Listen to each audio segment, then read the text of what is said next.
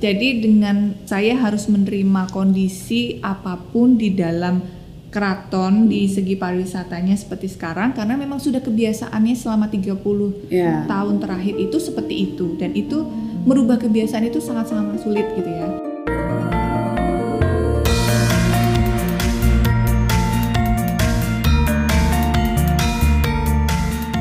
Salam Rahayu, bertemu lagi di podcast Rembuk Roso Putri Kedaton.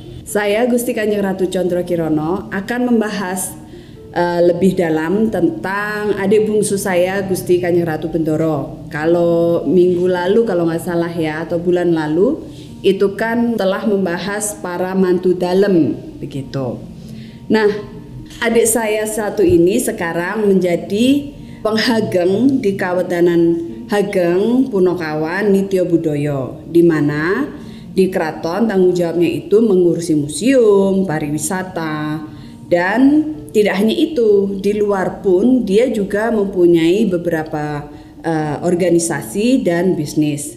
Nah, kita simak bagaimana dia membagi waktunya.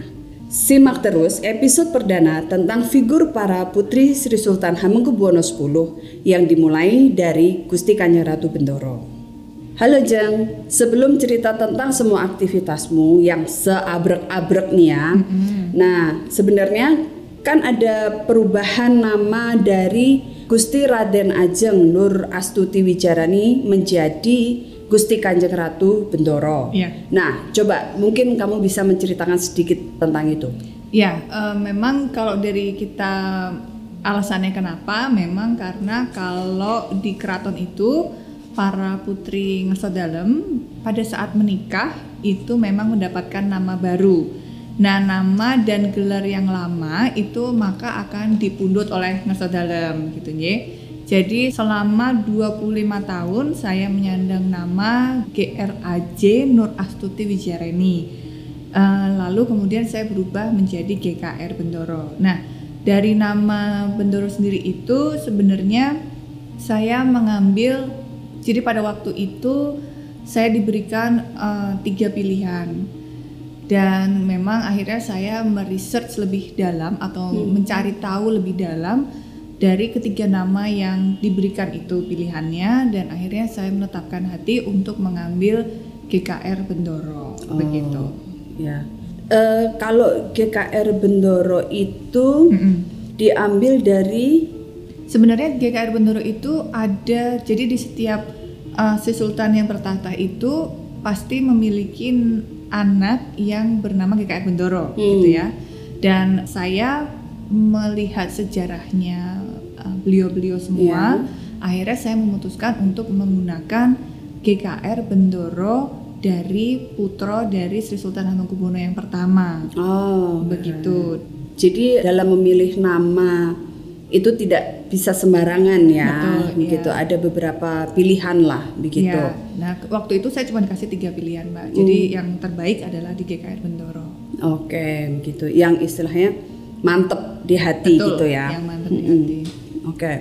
Nah, mungkin ya setelah eh, kita ngobrol sedikit, kita kan dari SMP itu kan memang sudah dikirim ke luar Luar, ya, betul. sekolah di luar di Singapura oleh Iya. Bapak Ibu. Mm-mm. Mungkin hanya Mbak Mangku yang waktu itu eh, sejak SMA ya, Oke. kalau kita semua SMP. Mm-mm. Nah, dari eh, Singapura setelah lulus SMA, kan kamu meneruskan kuliah S1 di Swiss, Betul. lalu S2 di Edinburgh. Ya. Nah, mungkin kamu bisa menjelaskan sedikit kenapa alasanmu memilih misalnya yang di Swiss itu kalau nggak salah perhotelan ya. Iya, perhotelan Lalu pariwisata. yang di Edinburgh itu Pariwisata. pariwisata kultural. dan kulturan. Iya. Nah, mungkin ada apa? Ada keinginan atau hasil diskusi dengan Bapak Ibu atau gimana? Oke, eh, sebenarnya pada waktu SMA itu saya agak sedikit labil mbak antara mau memilih jurusan apa gitu ya. Hmm, bukannya sampai sekarang ya? Oh, iya. lebih sedikit lebih labil dulu waktu itu, tapi sekarang sudah mulai membaik. Nah, jadi pada waktu SMA itu saya sempat kebingungan mau memilih jurusan apa. Saya Hmm. rasa semua seperti itu juga.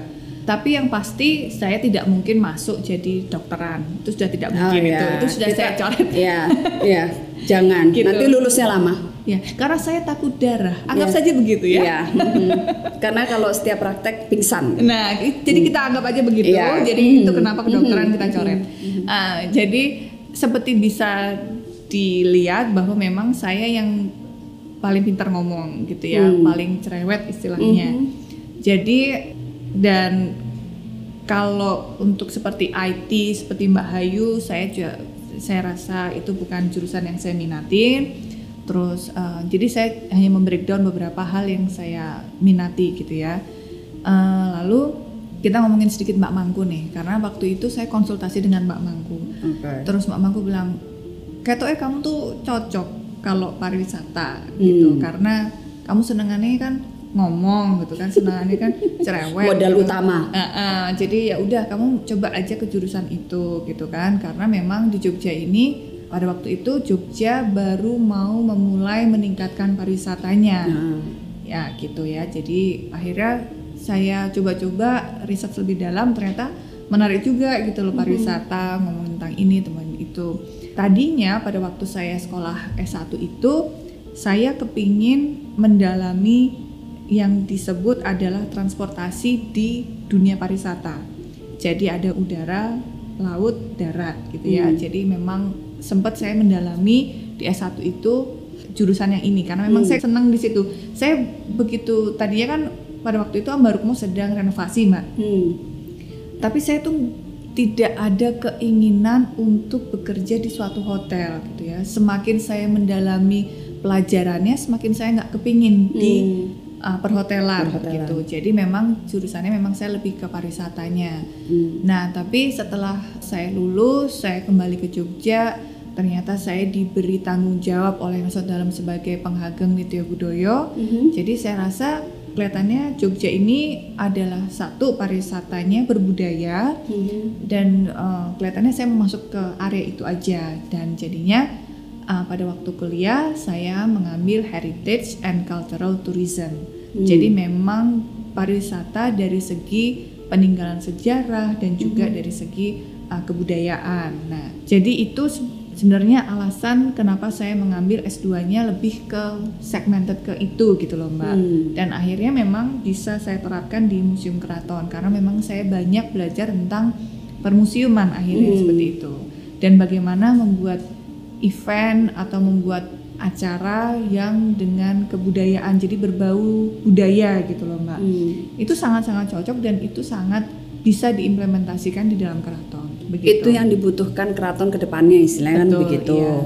Nah, coba kalau kehidupanmu waktu di baik di Swiss atau Edinburgh, kita kan tahu ya maksudnya kita itu kan dikasih eh, apa Uang istilah saku. uang saku Iya. bulanan sama ngerso dalam itu Betul. kan bukan yang wah gitu tapi Iya. hanya cukup untuk ya per bulan gitu begitu tanggal 25 atau 20 aja kadang-kadang kan udah nasi sama garam doang kan gitu Iya. nah Kalau coba aku sih nasi sama chicken nugget mbak. oh chicken nugget oke garam terlalu gimana gitu ya Eh, Iya. Oke. Eh, Coba mungkin kamu eh, apa bisa Ngasih apa- gambaran ya? Kasih gambaran. Sebenarnya bagaimana sih kehidupan kamu waktu di sana dulu? Oke. Maksudnya senang sedihnya, pengalamannya gitu-gitu. Oke, jadi pengalaman saya cukup berbeda di pada saat S1 dengan S2. Benar-benar signifikan berbeda lah. Hmm. Karena memang saya itu ke Swiss itu belum genap 18 tahun, Mbak. Hmm. Jadi saya sudah mulai masuk di bulan Juli Hmm. di mana September saya baru ulang tahun Ya. ke 18. Jadi belum genap 18 tahun. Dan itu istilahnya masih masa kita cari jati diri uh, dan segala macamnya. Dan memang satu ibu memang tidak pernah uh, orang tua saudara dan ibu juga tidak pernah membelikan kita uang saku yang terlalu banyak gitu ya, hanya cukup untuk itu saja kebutuhan sehari-hari. Dan saya kasih gambaran aja jadi S1 saya ini tuh di asrama Mbak. Jadi memang dari sebelum saya berangkat eh, makanan itu memang dari sekolah, jadi sudah Hmm. dibayarkan dari awal. Oke. Terus untuk kebutuhan eh, sekolah itu sudah dibayarkan dari awal sebelum semester itu dimulai, gitu ya. Hmm. Jadi saya sebenarnya nggak butuh uang saku banyak, Ya. gitu, karena memang semuanya sudah ada di sekolah itu dan makan pagi, siang, malam itu sudah ada, gitu ya.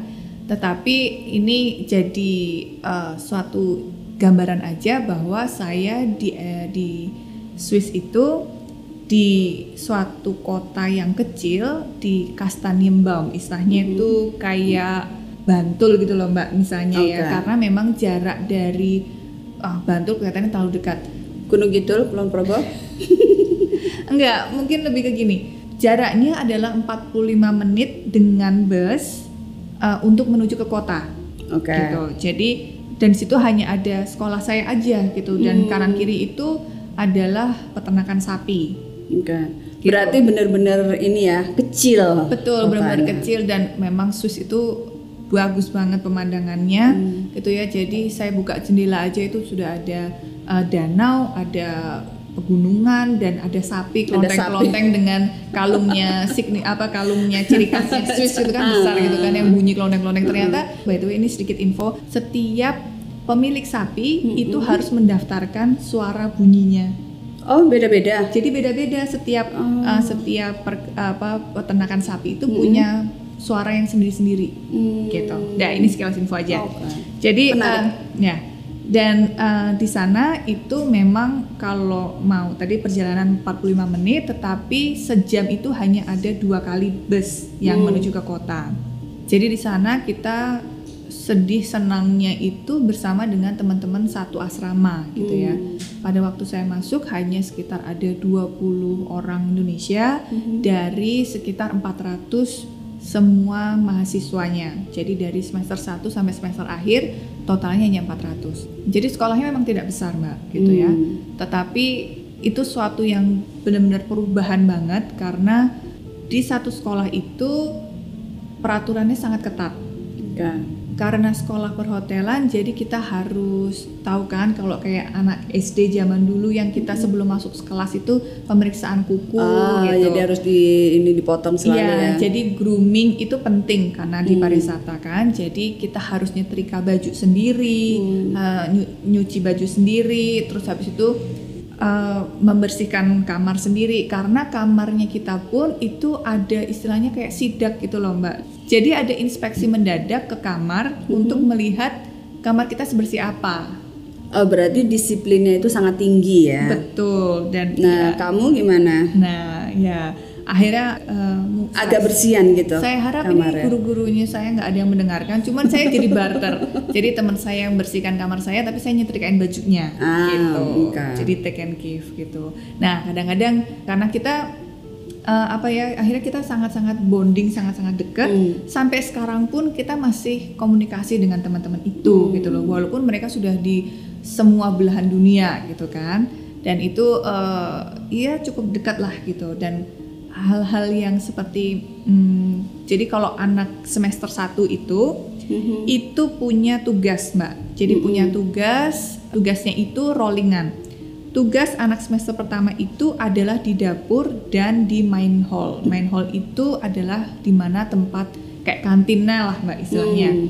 tapi itu pagi siang malam jadi kita punya shift satu minggu itu misalnya kita di dining roomnya gitu ya Hmm. ya kita yang nyajiin makanannya gitu di ruang makan ya. ya di kantinnya Mm-mm. itu kita nyuci sendok garpu piring itu kita Mm-mm. semua cuci dan itu minggu pertama saya masuk ke sana saya dapat tugas di situ Hmm. malamnya selama seminggu berturut-turut itu Mm-mm. saya ngimpi dikejar-kejar garpu besoknya ngimpi dikejar-kejar sendok gitu kan ya karena bayangin aja 400 anak di situ Ah. beserta staf guru dan lain-lain segala Hmm. macamnya itu makan sendok nggak mungkin cuma satu Ya. gitu kan karena mereka kebiasaan makan pakai sup, makan pakai uh, main course-nya terus habis itu nanti dessert dessertnya Ya. ada sendok kecilnya lagi Hmm. habis itu belum nanti kalau mereka minum kopi atau minum teh ada Ah. sendoknya lagi Hmm. garpunya juga bermacam-macam gitu ya Jadi komplit set. Betul. Terus eh, gelasnya juga nggak cuma satu kadang Iya. mereka pagi minum jus sama susu gitu jadi satu orang udah dua Dua gelas, gelas. kali 400 dan itu semua kita harus nyuci gitu loh Ah. jadi ya kurang lebih bisa dibayangkan Hmm. nah minggu depannya itu saya ditugaskan di dapur Hmm. bayangin aja 400 orang harus makan kentang kentang tumbuk gitu mbak. Hmm. itu kan berapa karung gitu kan. Nah itu malamnya saya ngimpi juga mbak. Dikejar-kejar Dikejar kentang. nah kurang lebih kayak gitulah mbak. Itu kisah awal-awal saya semester 1 nah Ah. semester 2 eh, itu jadi kalau di Swiss itu biasanya kita kuliah dan kuliahnya ini itu bukan kayak kuliah yang di Indonesia seperti hanya satu mata pelajaran di satu hari itu atau dua atau tiga gitu. Enggak kita itu benar-benar jam 8 pagi sudah kuliah sampai jam 4 sore. Oke. jadi memang benar-benar full. Lalu dipakai sisa waktunya biasanya dari jam 6 sampai jam 8 itu adalah kerja kelompok. Jadi memang benar-benar intensif gitu loh mbak. Nah tapi nanti semester kedua itu kita uh, tidak ada kuliah hanya magang Oh langsung magang. langsung magang magangnya itu enam bulan dan juga bergaji kalau di Swiss itu kita bergaji Hmm. walaupun gajinya separuh dari uh, UMR yang di sana tapi lumayan lah mbak maksudnya Ya. dirupiahkan tuh cukup lumayan Cukup signifikan iya dan pada waktu magang saya yang pertama itu saya kerja di suatu restoran Asia Hmm. tapi di uh, Zurich Hmm. Lain Di- kota. di lain kota gitu kota besar kayak Jakarta Hmm. gitu lah mbak tapi bukan ibu kotanya Hmm. di Zurich di Swiss itu dan uh, itu itu suatu pengalaman yang sangat menyenangkan mbak karena waktu itu saya tinggal di sebuah kamar studio di mana itu sekitar empat kali tiga gitu mbak Mm-mm. tapi situ enam orang mbak Hmm. gitu karena tingkat sewa apartemen itu kan cukup mahal, Mm-mm. Nah kita gimana ya namanya juga mahasiswa, kan Mahasiswa. mbak pemikirannya adalah gimana caranya bisa ngirit gitu Ya. kan ngirit. Akhirnya kita berbagi dengan enam orang yang Hmm. eh, kebetulan ada yang satu kampus ada yang beda kampus. Hmm. Tapi eh, enaknya adalah mereka tuh ada yang shift malam mbak karena perhotelan kan. Ya. Jadi ada yang shift malam sampai pagi. Hmm. Nah itu jadi kita rollingan. Jadi satu satu malam itu biasanya cuma tiga orang gitu-gitu. Jadi Hmm. tidak selalu berenam. Benar. Tapi ada waktunya di mana kita juga berenam juga. Nah, gaji pertama Hmm. itu dulu saya kasihkan ke ibu, mbak. Oh. Saya kirimkan ke ibu full satu gaji pertama. Wow, anak yang berbakti. Iya. Nah, karena itu full gaji saya kirimkan ke ibu, Ah. ibu besoknya telepon kan, wah terima kasih ya, ibu terharu banget gini gini gini. Oh iya iya bu, iya bu, iya bu, gitu kan. Masih iya iya iya, tapi begitu dua minggu berjalan ini kenapa ya semuanya tak kirimin ke sana gitu ya. Akhirnya saya makan apa gitu ya. Nah itu juga hal-hal yang ya Mau, mau narik lagi juga nggak enak. nggak enak gitu kan karena sudah dapat telepon dari ibu Ah. terharu gitu kan jadi eh, ya itu pengalaman yang tidak pernah kita lupakan Hmm. gitu itu suatu pengalaman yang eh, mungkin orang-orang juga nggak pernah kepikiran bahwa oh, putri sultan kayak begitu Hmm, gitu kan terus ada juga waktu-waktu di mana saya harus menabung dan saya cuman makan saya beli chicken nugget gitu ya mbak chicken Hmm. nugget gitu yang isinya 24 terus Untuk tiga hari gitu? Oh, lebih mbak, Oh. seminggu itu 24 itu tuh Wow. seminggu sama nasi putih. Dan modalnya itu aja lah, gitu kalau udah Hmm. akhir bulan. Tapi pada akhirnya enam bulan tersebut saya bisa beli tiket pesawat sendiri ke Jogja, Ah. terus habis itu bisa beli laptop, Hmm. habis itu bisa uangnya bisa saya tabung untuk uang saku saya pada saat saya kuliah enam bulan berikutnya gitu loh mbak. Hmm. Jadi mulai dari situ saya udah tidak um, minta lagi ke orang tua istilahnya Hmm. gitu. Jadi uang itu hanya muter-muter gitu aja Ya. terus mbak. Jadi istilahnya udah kerja di usia 18? 18 lah ya, Iya. gitu. Dan itu mungkin tidak terfikir oleh orang-orang orang lain Betul. bahwa tentang persepsi tentang putri keraton gitu ya ya. persepsi tentang putri keraton yang se- eh, setiap harinya itu eh, luluran, Sanggulan. sanggulan, gitu Gitu, gitu. Oke. Nah eh, dari Swiss kan terus masuk ke Edinburgh nih ya, melanjutin ke Edinburgh. Di Edinburgh itu kan ngambil museum Betul. tentang museum. Iya, Kan itu sangat berbeda ya, betul. sangat berbeda jauh lah Iya. istilahnya. Walaupun sama-sama pariwisata. Iya. Kok dari pariwisata kamu berpikir ke museum? Iya. Gitu loh. Sebenarnya lebih tepatnya Apakah adalah karena disuruh ngerso dalam atau Enggak sih, sebenarnya seperti tadi saya sempat ngomong bahwa memang lebih tepatnya itu adalah heritage cultural tourism Oke. di mana di dalamnya ada tentang museum, Mbak. Oke. Jadi museum itu sebenarnya hanya eh, segmen kecilnya saja. Hmm. Tapi bagaimana kita bisa mengembangkan kebudayaan dan eh, sejarah di kota tersebut gitu ya. Mm-mm. Saya memang pada waktu itu sudah saya sudah melihat bahwa kebutuhan di keraton itu ah, dari segi pariwisatanya itu memang pariwisata sejarah dan kebudayaan Hmm, tadi iya. gitu. Jadi saya rasa bukan hanya di keraton tapi di- juga di Jogja ini Iya.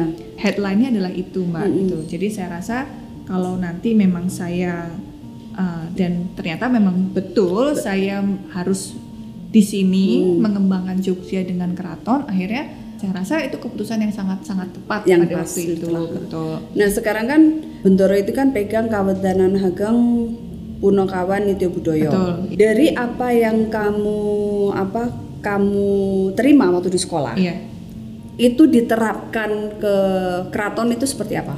bisa sih maksudnya uh, saya mencoba membuat Apa yang perlu dirubah, apa yang perlu diperbaiki, apa yang perlu ditambah? Iya, Eh, sebenarnya dari ilmu yang saya dapat di sana itu tidak bisa langsung diimplementasikan 100% mbak. Ya. Karena memang kalau saya boleh bilang ya, meneruskan suatu perusahaan yang sudah berjalan itu sebenarnya lebih sulit daripada membuat baru mbak. Bisa Iya. dibilang begitulah ya. Iya, iya. Jadi dengan saya harus menerima kondisi apa pun di dalam keraton di segi pariwisatanya seperti sekarang karena memang sudah kebiasaannya selama 30 Ya. tahun terakhir itu seperti itu dan itu merubah kebiasaan itu sangat-sangat sulit gitu ya. Jadi memang tidak bisa langsung 100% saya implementasikan tapi memang saya bertahap. Pelan-pelan lah ya. Betul. Jadi ada yang memang butuh adjustment kurang Hmm.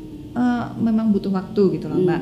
Tetapi saya coba untuk saya masukkan kembali. Jadi misalnya seperti pendataan. Hmm. Terus eh, ayo kita pendataan itu kita rutinkan misalnya nanti tiga tahun lagi kita mulai pendataannya lagi gitu kan Hmm. karena memang barang beberapa benda di keraton itu ada benda-benda pecah belah dan itu memang harus selalu kita eh, katalogisasi lah istilahnya begitu didata lagi terus eh, bagaimana perawatannya Hmm. dan kemarin kita kan juga eh, akhirnya setelah sekian tahun kita tidak pernah namanya membersihkan lukisan akhirnya kita membersihkan lukisan dan saya memilih untuk memang yang seprofesional mungkin gitu Iya. loh jadi Jadi tidak sekali- sembarangan orang lah Betul, ya. ya. Jadi memang sekali pengerjaan itu uh, selesai gitu loh, Hmm. tidak harus nanti uh, ternyata ada ini, ada itu, ada ini, Ya. ada itu dengan berpindah-pindah tangan, istilahnya Hmm. seperti itu.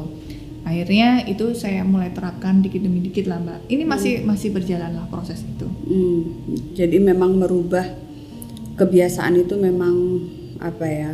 Apalagi dengan SDM yang ada kan, Betul. mindset yang ada yang memang sudah sejak dulu seperti itu kan, gitu Betul. itu nggak mudah. Kebiasaan aja sih yang sebenarnya yang paling susah. Ya karena udah biasa di convert soon. Iya, bia- sudah biasa di kursi yang enak gitu kan, digoyang-goyang kan kita juga pasti akan menolak mbak. Iya. Seperti itu. Oke. Nah sekarang kan dengan adanya kegiatan kamu di keraton, Iya, ya kan, terus kamu juga di organisasi, betul. kamu juga ada beberapa usaha. Iya. Itu cara membagi waktu itu bagaimana? Maksudnya dengan anakmu yang masih kecil-kecil dan lain sebagainya gitu. Oke, Mungkin bisa kamu ini dulu lah eh, usahanya tuh gimana? Usahanya apa? gitu.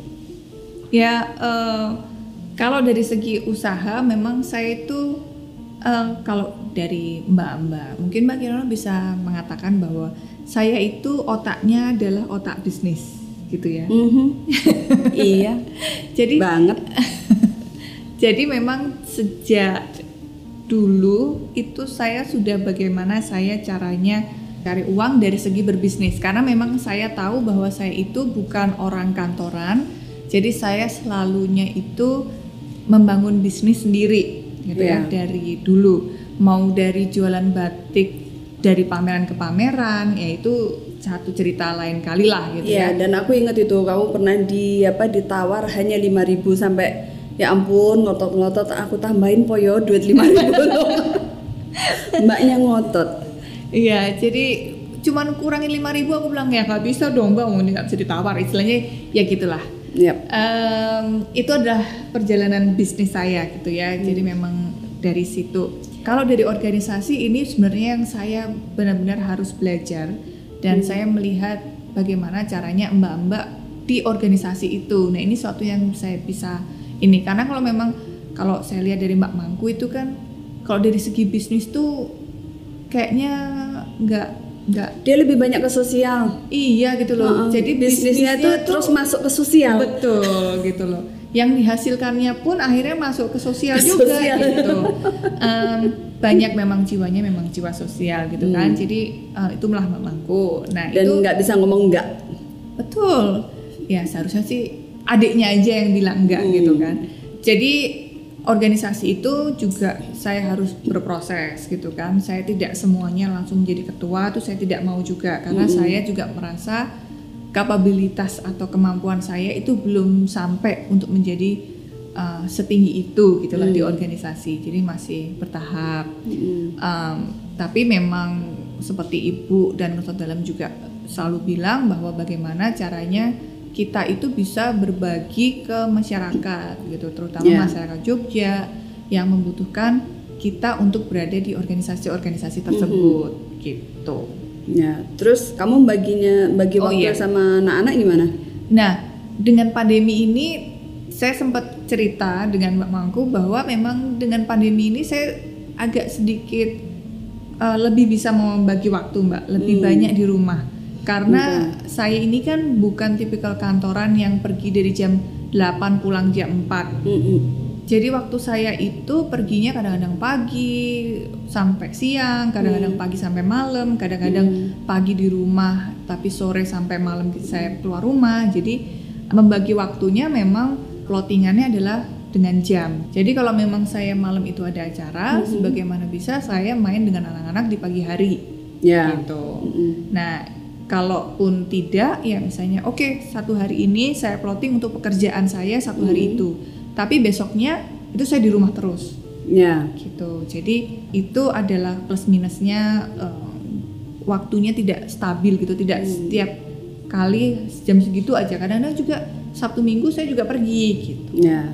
Tapi dengan adanya pandemi ini saya lebih banyak di rumah. Hmm. Jadi misalnya Zoom gitu ya, eh, ada saya minta waktu sekitar setengah jam in between Zoom gitu ya, di tengah-tengah Zoom itu untuk saya bisa nengokin anak dulu, Ya. melihat mereka udah makan atau belum. Terus saya juga menghindari jadwal-jadwal di mana anak-anak makan siang eh, saat mereka eh, bermain.